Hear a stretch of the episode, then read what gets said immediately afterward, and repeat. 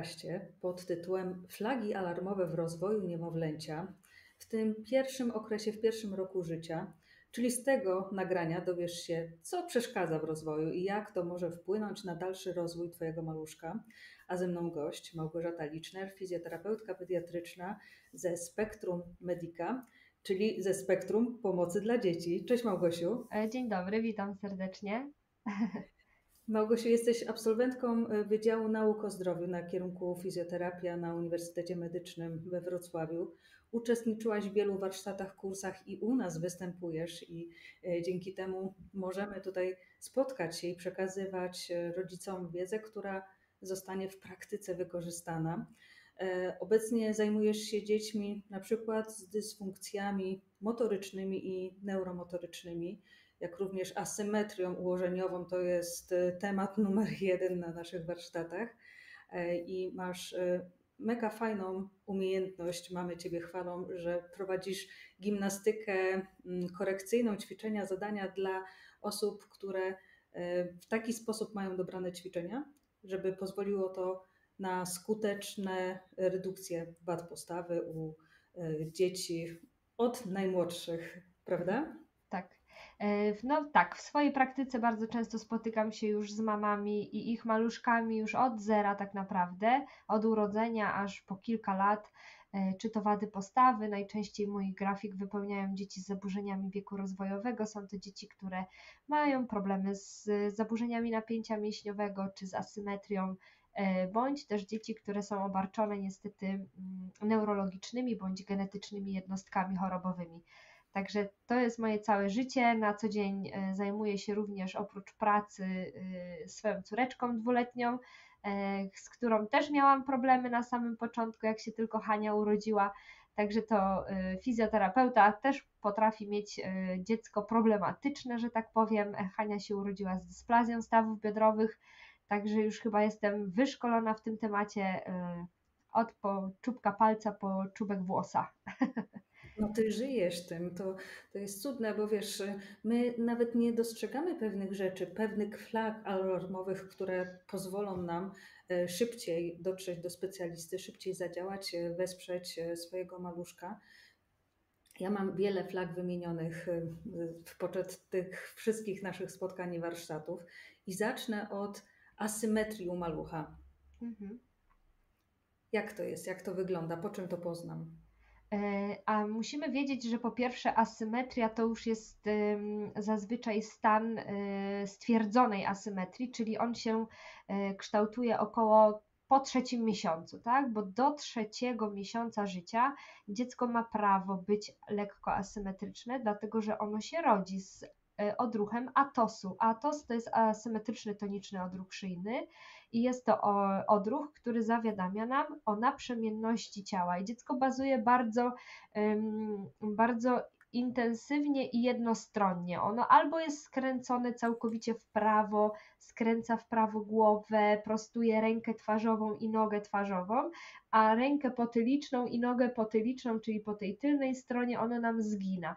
I to dziecko robi ruch naprzemienny, czyli prawo, lewo. I ono do tego trzeciego miesiąca ma prawo być takie asymetryczne i e, jakby nie powinno to e, nas jakoś mocno niepokoić. Ale zaniepokoić powinno nas w momencie, kiedy nasze dziecko ciągle w tym atosie do tego trzeciego miesiąca przebywa w jedną stronę, kiedy ono ma aż spłaszczoną główkę po jednej stronie, kiedy patrzy tylko w jedną stronę, kiedy widzi tylko swoją jedną rączkę e, i kiedy jest trudność z obróceniem głowy w drugą stronę, czyli mamy taki efekt odrzutu, czyli ja chcę mu główkę przewrócić, a to dziecko takim odrzutem tą głowę e, próbuje jakby wrócić do swojej pozycji ulubionej. E, także po trzecim miesiącu zazwyczaj mówimy o asymetrii jeszcze ułożeniowej, dlatego że ono, te dzieci tak się układają w brzuszku u mam, czasami często e, dosyć e, asymetrycznie z tego względu, że w wywiadach okołoporodowych bardzo często te mamy mi mówią, no tak, ciągle mnie to dziecko kopało po jednej stronie brzucha. To ja już wtedy też wiem, że to mal, ten maluszek, on już w brzuchu był asymetrycznie ustawiony. No i później też jeszcze taka ważna mm, jakby mm, informacja, że po, po tym trzecim skończonym miesiącu życia mamy już asymetrie utrwalone i te asymetrie jest zdecydowanie trudniej wyprowadzić. Ten, ten mózg przez ten, te pierwsze 3-4 miesiące on już się nauczył funkcjonować dosyć asymetrycznie i trzeba by było wtedy jak najszybciej i jak najskuteczniej dać temu dziecku um, bodźcować tą drugą stronę, żeby ono mogło poczuć, że ma drugą stronę ciała i żebyśmy w końcu się spotkali w tej linii środka, czyli w tej tak upragnionej symetrii. E, dlatego ja zachęcam młode mamy, chociaż ja już widzę coraz częściej, ten trend jest taki fajny, że te, ta świadomość tych mam jest zdecydowanie większa i one już coraz szybciej do nas trafiają. E, nie z żadnych względów lekarskich, wskazań lekarskich, one po prostu te mamy e, chcą nauczyć się pielęgnacji, one chcą sprawdzić, czy z ich maluszkiem jest wszystko w porządku, dlatego przychodzą już na bardzo wczesnym etapie. Ja mam maluszki no, praktycznie tygodniowe, dwutygodniowe, trzytygodniowe i my wtedy uczymy się prawidłowej pielęgnacji, bo ta pielęgnacja ma ogromny wpływ na tą symetrię. Czy my ją będziemy mieli, czy my jej nie będziemy mieli. Także ta obustronność, robienie wszystko naprzemiennie, prawa, lewa strona, podnoszenie, noszenie, odkładanie, karmienie, kąpanie, ubieranie, rozbieranie, to wszystko ma znaczenie i ma wpływ na to, czy moje dziecko będzie symetryczne, czy jednak trochę asymetryczne. Trzeci miesiąc życia dziecka, ważny moment. Y, Kamień i, milowy. I obyś właśnie szybciej y, gdzieś to dostrzegła i wcześniej wprowadzała te nawyki zmienności chociażby łóżeczka, tak? Raz tak. łóżeczko w jedną stronę, raz w drugą, żeby to światło padało raz trochę z tej, trochę z tej E, fajnie, e, bardzo tutaj wychwaliła się mamy po drugiej stronie i o to chodzi dziewczyny, żebyście się szybciej dowiadywały i szybciej e, trafiały do specjalisty, nawet z ciekawości, jak czegoś nie jesteście pewne, lepiej to sprawdzić u źródła. A stałe zaciskanie obu rączek lub jednej rączki, to też często mamy się z tym zgłaszają. Mm, to są takie objawy, które no, musimy y, dosyć bacznie obserwować, dlatego że y, odruch zaciskania pięści to również jest odruch y, neurologiczny prawidłowy, trwa do drugiego miesiąca. To jest tak zwany odruch chwytny dłoni to dziecko ma prawo być jeszcze w takiej pozycji zamkniętej. Natomiast po tym drugim miesiącu my już chcemy tą dłoń widzieć bardziej otwartą, tam już po tym drugim miesiącu więcej rzeczy się dzieje, tworzy się dysocjacja, więc ten staw barkowy nam troszkę większą przejmuje wtedy funkcję podporową, zaczynają się budować podpory na łokciach w około trzeciego miesiąca więc ważne jest, żeby te piąstki zaczynały puszczać. W momencie, kiedy to moje dziecko na przykład buduje podpór na zaciśniętych piąstkach, to ja już mogę wiedzieć, znaczy mogę, mogę myśleć, że ono ma problem ze zbudowaniem prawidłowego napięcia mięśniowego, że ono się praktycznie nie pcha od, nie odpycha od podłoża, tylko wręcz stabilizuje się na obwodzie poprzez zaciśnięcie piąstek, tylko po to, żeby unieść głowę i cokolwiek zobaczyć. E, to są takie rzeczy najczęściej widoczne około drugiego, trzeciego miesiąca życia i w tym okresie bacznie obserwujemy to nasze maleństwo, czy ono to piąstki zaciska, e, czy nie. E, asymetryczne zaciskanie piąstek no też nam daje taką czerwoną lampkę i do obserwacji jest takie dzieciątko, no bo oczywiście musimy wykluczyć jakieś neurologiczne problemy, które mogą świadczyć jednostronnie o, e, o nieprawidłowym pracowaniu e, układu ośrodkowego, nerwowego. Natomiast bardzo często to przez te pierwsze 2-3 miesiące to zaciskanie piąstki jest spowodowane tym asymetrycznym tonicznym odruchem szyjnym, o którym wcześniej mówiłam to dziecko tą dłoń wyprostowaną e, bardzo często zaciska w piąsteczkę. E, natomiast Czyli są to jeśli... odruchy, które mhm. wygasają i one muszą po tym trzecim miesiącu wygasnąć. Tego już nie chcemy widzieć. Czyli jeśli, droga mamo, do drugiego miesiąca życia dziecko dwoma rączkami naraz złapie ciebie za włosy i nie puści, no tak. bo to jest tak, że cały czas trzyma, to on no, nie robi to specjalnie, to jest taki odruch i wszystko jest ok. E, tak. Jeżeli dostrzegasz, że tylko jedna rączka pracuje, a druga nie, e, to e, warto to zauważyć. Jeżeli dostrzegasz, że powyżej dwóch miesięcy cały czas to się dzieje, to też warto z tym się zgłosić do E, specjalisty, a nadmierne odginanie główki lub e, całego ciała do tyłu?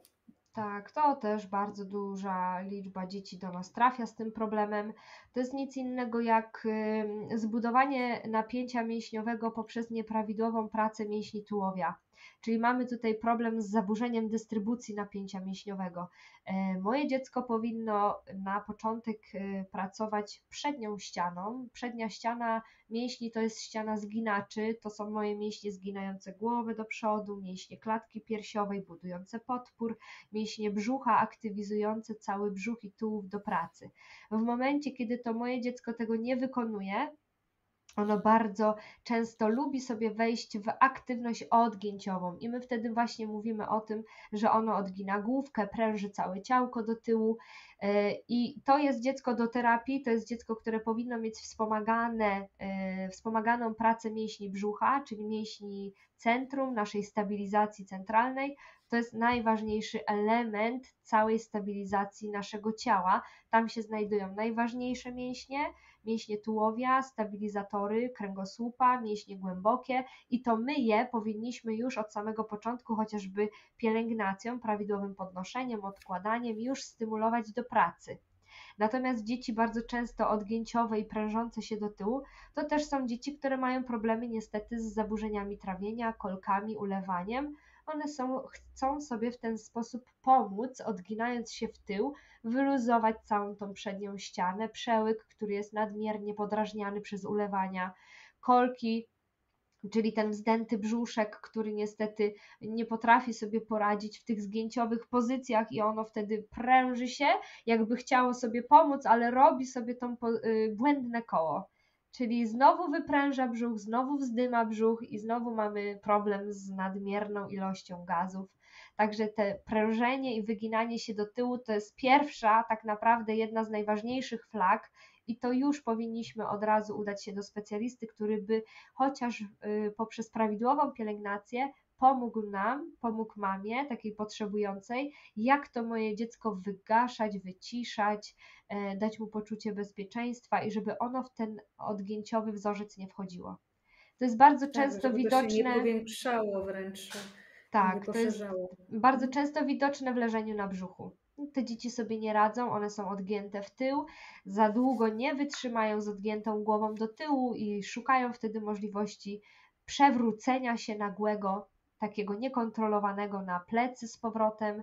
E, wchodzi jeszcze nam wtedy odruch moro, bo nagle dziecko się przestraszyło, to jest w okolicach około 2-3 e, miesięcy. Jeżeli to nasze dziecko nie potrafi utrzymać stabilnej pozycji w leżeniu na brzuchu, bo się odgina do tyłu, bo ma wzmożone napięcie i pręży się w okolicy przykręgosłupowej, no to jest znak, żebyśmy się udali do tego specjalisty.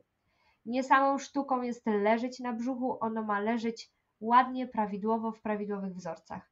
Dla nas liczy się jakość, dla innych specjalistów liczy się ilość.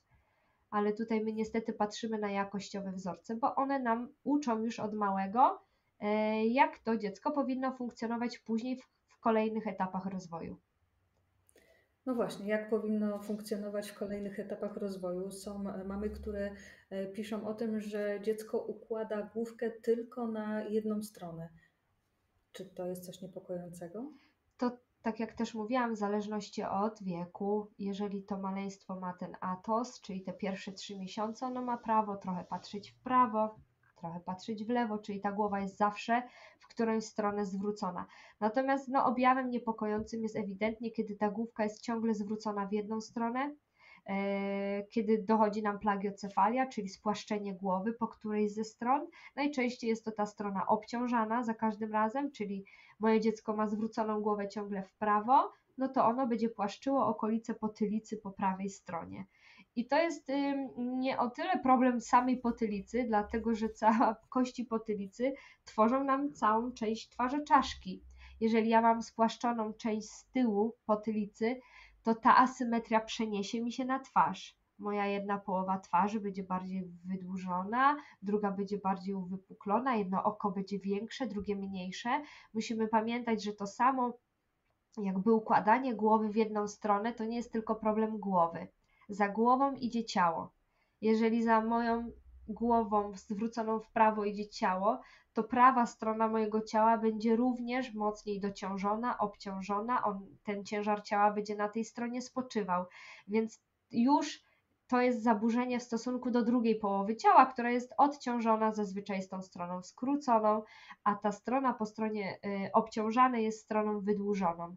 Mało tego, bardzo często jak już mam plagiocefalię, y, stworzoną asymetrię poprzez tylko patrzenie w jedną stronę, dochodzi mi asymetria w obrębie oczu. Bardzo dużo niemowląt ma oczy asymetryczne. Jedno ma większe, drugie ma mniejsze. Z tego względu to też jest Y, spowodowane tym, że w momencie, kiedy dziecko patrzy ciągle w jedną stronę i ta głowa jest zwrócona w jedną stronę, to ono od podłoża jedno oko ma ograniczone pole widzenia. Więc te dzieci bardzo często sobie to oko poszerzają, bo one chcą wiedzieć, widzieć więcej. I bardzo często po stronie zwróconej twarzy jest oko większe, bardziej otwarte, szpary powiekowe są zdecydowanie większe, ale to też jest spowodowane tym, że po prostu kości twarzy czaszki mi się przesuwają. Więc otwory oczne również zmieniają swoje wielkości. To, to wszystko ma znaczenie. To nie jest tak naprawdę tylko e, główka skręcona w jedną stronę, bo jak dziecko skręci głowę w jedną stronę, to stopy również pracują asymetrycznie. Jedna stopa jest stymulowana do odwracania, druga stopa jest stymulowana do nawracania. Czyli mogę przewidywać, że niewyprowadzona asymetria i to skręcanie głowy w jedną stronę może w przyszłości dać mi koślawienie jednej stopy, a drugą stopę będzie dziecko układało bardziej w prawidłowy sposób. Także Można widać. sobie ciągle przypominać, e, nie wiem, taką lalkę na sznurkach. Jak pociągnięcie jednego sznurka powoduje tak. zupełnie inne ruchy pozostałych, i tutaj, e, drodzy rodzice, ważne jest, żebyście bardzo nad tym e, czuwali. Wspomniałaś już o trudności z podporem, ale jeszcze bym chciała, żeby tak zabrzmiało to u rodziców też, gdzie i jak to się dzieje i jak temu przeciwdziałać. Mhm. E, budowanie podporów zaczyna się tak naprawdę od maleńkiego. Kładziemy na brzuch, nie boimy się tych brzuchów. Ja wiem, że jest bardzo dużo dzieci, które ma problem z leżeniem na brzuchu i one też do nas trafiają. E, natomiast po pierwsze podłoże prawidłowe do budowania podporu, ono nie może leżeć w podporze na e, miękkiej kołdrze, bo chcemy dać ciepełko dziecku. Ono ma mieć podpór budowany już od maleńkiego na stabilnym dosyć sprężystym podłożu i, i ważne, żeby to podłoże nie było e, śliskie, żeby ono, to dziecko mogło jakby poprzez odpychanie się od podłoża e, budować ten podpór. Oczywiście mm, w wieku dwóch miesięcy czy tam miesiąca to te podpory są takie mało istotne. One, te dzieci nie podpierają się tak, żeby leżeć na łokciach i tą głowę unosić do góry, bo to jest trzeci miesiąc. One leżą, żeby po prostu umieć utrzymać pozycję leżącą w leżeniu na brzuchu, umieć podnieść głowę, przełożyć z jednego policzka na drugi policzek, znaleźć jedną, drugą piąstkę do odruchu ssania, do szukania. E, I to są te pierwsze dwa miesiące życia. Natomiast już ten trzeci miesiąc to jest budowanie podporu na łokciach. Dziecko ma mieć mniej więcej łokcie w linii e, barków, Czyli to nie są łokcie cofnięte do tyłu, bo tu już mam uniesioną wysoko obręcz barkową i niestety to już wprowadza nieprawidłowe wzorce budowania podporu. Ono ma być oparte na łokciach, to ma być napięcie idące z mięśni piersiowych, ono się ma odpychać jakby od tej, podło od tej podłogi. E, no i tutaj ogromną e, wagę e, przykładamy do symetrii. No niestety jak będzie asymetria, no to już mi jeden bark cofa się, łokieć się jeden cofa, głowa układa się asymetrycznie i to dziecko nie ma prawa ani możliwości zbudować tego podporu.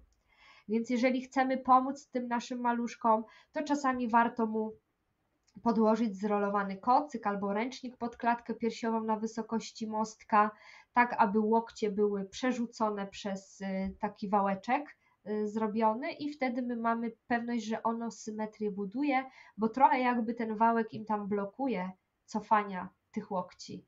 Y, to możemy na sobie, na klatce piersiowej budować podpory u dzieciaczka, kłaść sobie tak zwane kangurowanie, wykonywać.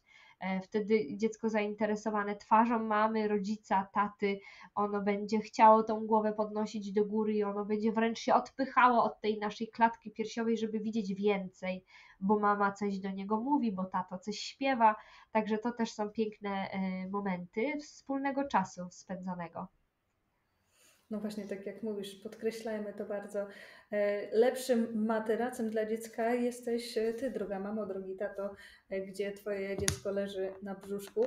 I uwaga, ostatnio nawet mama pisała do nas o tym, że już czwarty miesiąc dziecko śpi z nimi w łóżku, a ten materac, który mają dorośli, jest inny niż przystosowany dla dziecka. Także też tutaj warto się zainteresować, żeby miał odpowiednią twardość, prawda? Tak, tak. Najlepiej piankowe, lateksowe, półtwarde materace. E, ja natomiast jestem z tych e, osób, które też swoją córkę uczyły od samego początku. Łóżeczko jest od spania, mata mhm. i podłoga jest od zabawy, więc my rozkładaliśmy matę i Hania lądowała już na macie podłogowej, jak była maluteńka, e, mając nawet dysplazję w szelkach leżąca stwarzałam jej takie warunki, żeby ona ten brzuch jednak obciążała i żeby ona na tym brzuchu jednak leżała i budowała podpory. To było dla mnie niezwykle ważne, bo wiem, jak po prostu dzieci brzuszkowe w cudzysłowie rozwijają się w późniejszych etapach. One są zdecydowanie silniejsze niż te dzieci, które są rączkowe, czyli ciągle na rękach rodziców, albo w leżaczkach, bujaczkach, albo są e, tylko w pozycjach na plecach. Więc tutaj jest bardzo ważna zmiana pozycji, leżenie na bokach, leżenie na brzuchu. To powinno w ciągu dnia zajmować nam godzinę czasu. To jest niewykonalne, żeby godzinę czasu to dziecko leżało aktywnie na brzuchu. Natomiast ja sobie tak planowałam ten dzień, żeby to 15 minut na tym brzuszku jednak to nasze maleństwo wytrzymało. Skoro mówisz o macie, to ja tutaj już wkroczę z zabawą. E, są e, dzieci, które nie wykazują żadnego zainteresowania otoczeniem, zabawkami, e, twarzą rodzica. To też jest dla nas flaga alarmowa, prawda? Tak, oczywiście. I to mm, w bardzo dużym stopniu. Do drugiego miesiąca powinien się pojawić tak zwany uśmiech społeczny nad tym dzieckiem, nad którym się pochylimy, ono powinno mimowolnie się do nas uśmiechnąć. To jest spowodowane nastawieniem naszym do tego maleństwa, czyli my się zazwyczaj uśmiechamy do tego maluszka, ono już wykazuje do nas uśmiechy, takie przypadkowe czasami, czasami już świadome, natomiast to już do, w drugim miesiącu powinno wystąpić.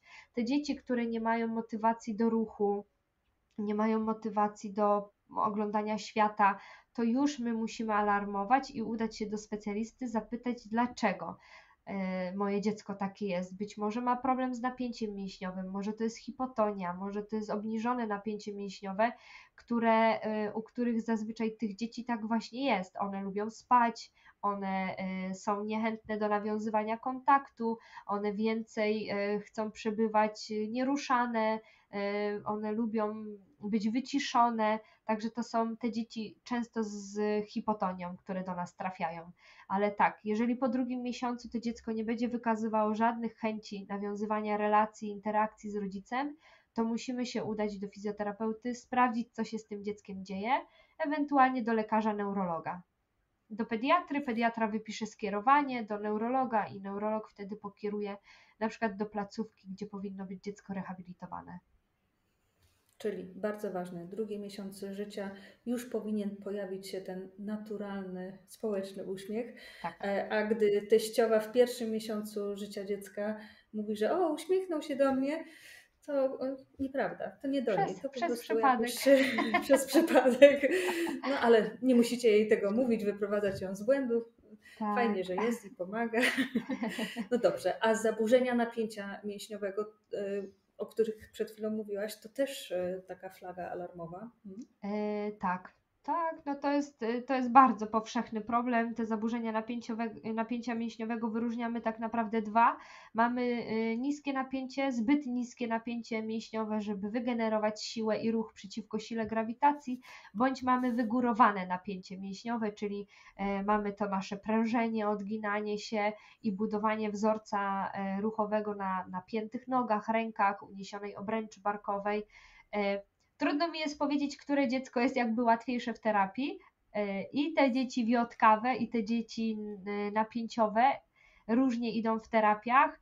E, może e, te dzieci napięte bardziej, one są e, z reguły bardziej takie płaczliwe, bardziej takie wrażliwe na dotyk, więc one są może lekko trudniejsze w terapii niż te dzieci z niskim napięciem mięśniowym. Natomiast to są rzeczy bardzo ważne, to, te zaburzenia napięcia mięśniowego, e, z tego względu, że tak naprawdę całym naszym systemem mięśniowym zawiadamia nasze centrum to ono ma być silne i ono ma być takim filarem budującym do tego, co będzie wykonywało dystalnie nasze ciało. Dystalne części to są nasze ręce, nogi, głowa.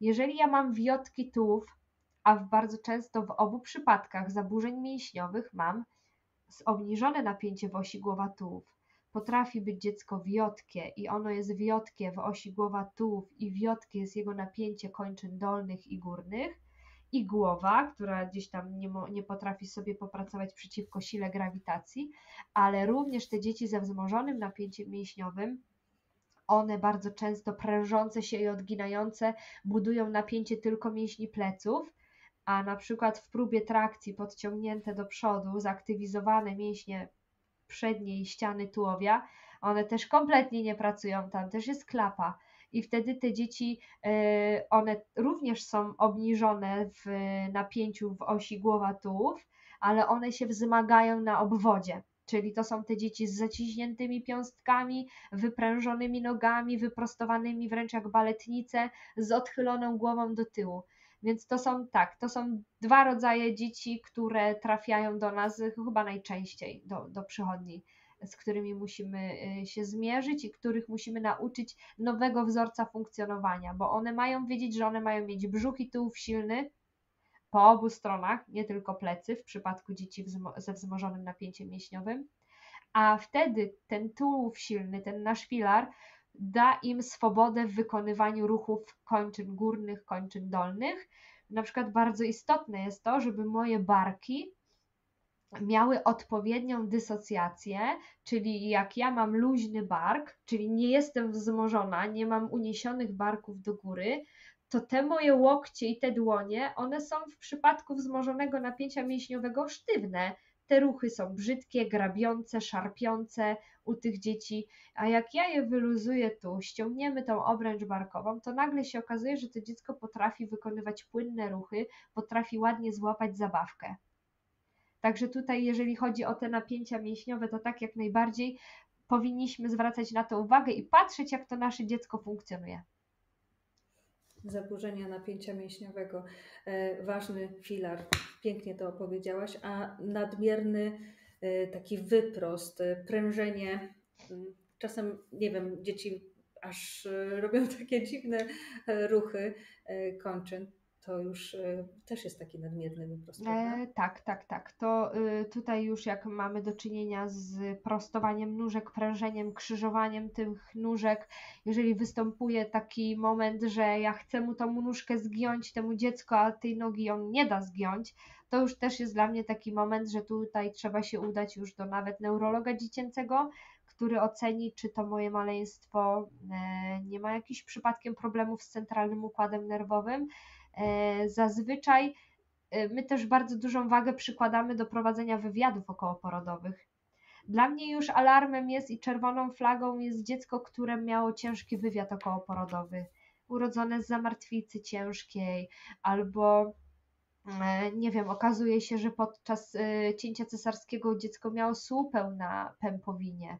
To też już są dla mnie informacje, które ja bardzo dokładnie zbieram od tych mam żeby potem patrząc na to dziecko, też mieć z tyłu głowy, że to jest dziecko z trudnego porodu, tam się działy różne rzeczy, tam było, e, dziecko dostało mniej punktów w skali Apgar, zabrali mu za oddech, zabrali mu za napięcie mięśniowe, więc ja też inaczej już na to dziecko patrzę. W razie potrzeby zawsze wysyłam dalej do specjalisty e, jakby e, neurologa dziecięcego albo pediatry, żeby pediatra jeszcze wydał skierowanie do specjalisty właśnie. Super to jest, że właśnie współpracujesz z innymi specjalistami e, i e, kolejna flaga jest również do innego specjalisty, ale holistycznie podchodzisz do wszystkiego i też masz odpowiednią wiedzę na przykład na brak odruchu ssania, na problemy z karmieniem na bezdech, o którym mówiłaś, i na przykład ciągłe ulewanie. Jak mhm. tutaj powinniśmy zareagować? Tutaj również też sprawdzamy u nas na pierwszej wizycie, zawsze jest też pokazana mi forma karmienia, czy to piersią, czy butelką, sprawdzamy jak to nasze maleństwo je. E, natomiast współpracuję również z neurologopedami, e, którzy e, idąc ode mnie albo od neurologopedy dziecko trafia do mnie, bo z podejrzeniem zaburzenia napięcia mięśniowego E, albo jest u mnie, ma zaburzenia napięcia mięśniowego i ja wysyłam do neurologopedy, bo ewidentnie widać, że to dziecko ma albo problem z wędzidłem, albo problem ze ssaniem. E, bardzo ważna umiejętność, na którą już na przykład mamy mogą zwrócić uwagę, to jest to, ten odruch szukania. On jest już od urodzenia. W momencie, kiedy na przykład kładziemy dziecko na brzuszek, to mamy wtedy umiejętność szukania, czyli ono szuka tej swojej piąsteczki, żeby tam móc sobie postymulować ten odruch szukania i zacząć ssać.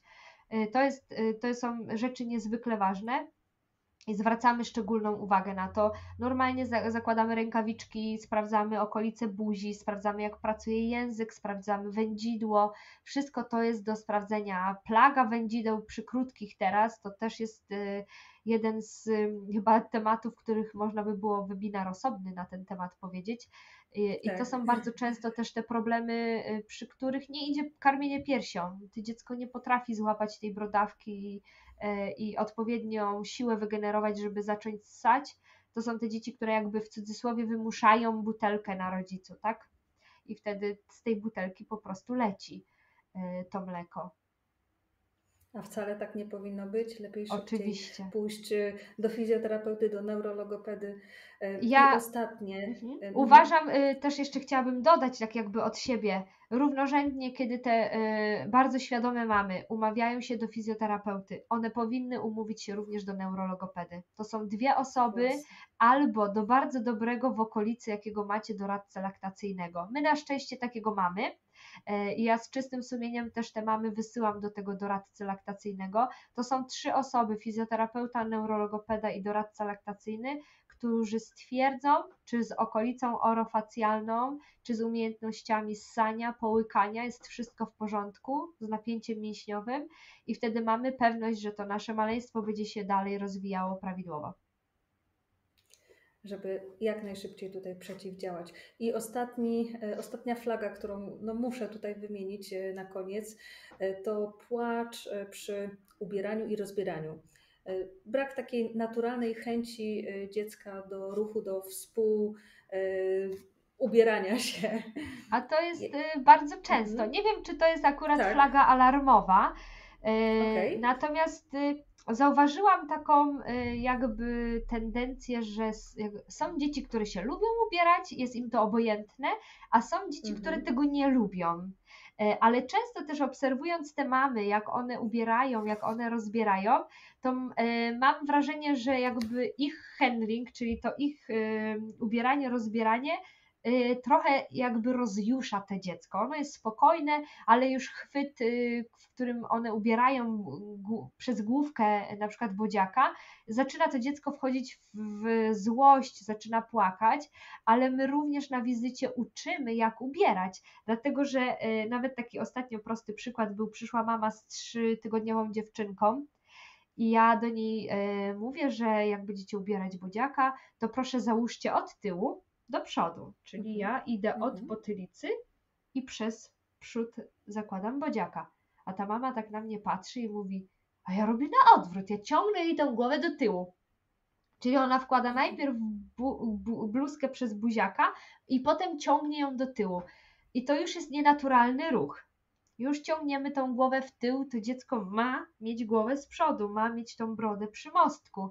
Więc jak ja jej pokazałam ten drugi wzorzec y, ubierania, czyli pociągnięcia od tyłu i ciągniemy głowę do przodu, nagle okazuje się, że dziecko nie płacze. Że nie jest to dla niej takie denerwujące, nie ma podrażnionej okolicy potylicznej poprzez ciągłe odginanie tej głowy do tyłu. Więc to, to też jest super i ważne. No i ważne przy ubieraniu, żeby te nasze dzieci przekładać na prawo i na lewo. No ma dwa boki, mamy dwa rękawki, dwie rączki, więc ja zakładam najpierw głowę, potem idę na jeden bok, wkładam sobie jedną rączkę, na drugi bok wkładam drugą rączkę i znowu buduję symetrię, wracam na plecy, zapinam sobie bodziaka i wtedy to moje maleństwo jest trochę takie bardziej e, zdezorientowane może, że ono się ubiera, ono jest w ruchu, nagle ta mama mnie przewraca na prawo, na lewo, o co jej chodzi i ono zdezorientowane nie zacznie nawet płakać. Także tutaj nauka pielęgnacji, ubierania, rozbierania też jest ważna i też tego się uczy na pierwszych wizytach u fizjoterapeuty. Te wszystkie wskazówki, Małgosia, my je zjadamy wręcz tutaj. To jest, to jest fajny tip dla nas i wskazówka, żeby przeciwdziałać e, i nie mieć tych flag alarmowych. Niemniej jednak, gdy się pojawią, żeby wiedzieć, e, co dalej zrobić. E, czy jeszcze chciałabyś coś dodać w naszym temacie? Mm, ja też wierzę w coś takiego jak intuicja mamy. One mają zawsze nosa ta intuicja mhm. jest y, naprawdę, wielokrotnie spotkałam się z, z mamami, które wręcz przychodziły do mnie z płaczem, bo one czują, bo one widzą, bo im coś nie pasuje, coś nie gra. Ta ich intuicja była tłamszona przez babcię, albo ty wyszukujesz, albo ty y, sobie wymyślasz szukasz dziecku chorobę, niejednokrotnie to było powtarzane poprzez jakieś mm, ciocie, babcie, y, ale ta mama mimo wszystko y, się pojawiała u mnie na wizycie i te, je, ta jej intuicja nigdy nie zawodziła. Ona przychodziła z problemami i zawsze miała rację. To, co ją niepokoiło, zostało potwierdzane, natomiast my w bardzo szybki sposób mogliśmy zaradzić tej mamie i pokazać jej, jak ona może zmieniać, żeby to nasze dziecko jednak było spokojne, bezpieczne i, i żeby się te problemy nie nawarstwiały i nie pojawiały w późniejszym etapie. Także, drogie mamy, intuicja wasza jest niezawodna. Wierzcie sobie, wierzcie intuicji. E, jeżeli macie ochotę, to po prostu idźcie do tego fizjoterapeuty, specjalisty. Dlatego wzmacniając też e, swoją intuicję, edukujecie się, e, edukujecie całą rodzinę w koło Również jesteście z nami tutaj, czy na warsztatach, czy z drugiej strony, słuchając podcastów. Małgosiu, bardzo, bardzo dziękuję za to spotkanie. Małgorzata Liczner, fizjoterapeutka pediatryczna Spektrum Medica. Dziękuję bardzo. Dziękuję również ślicznie.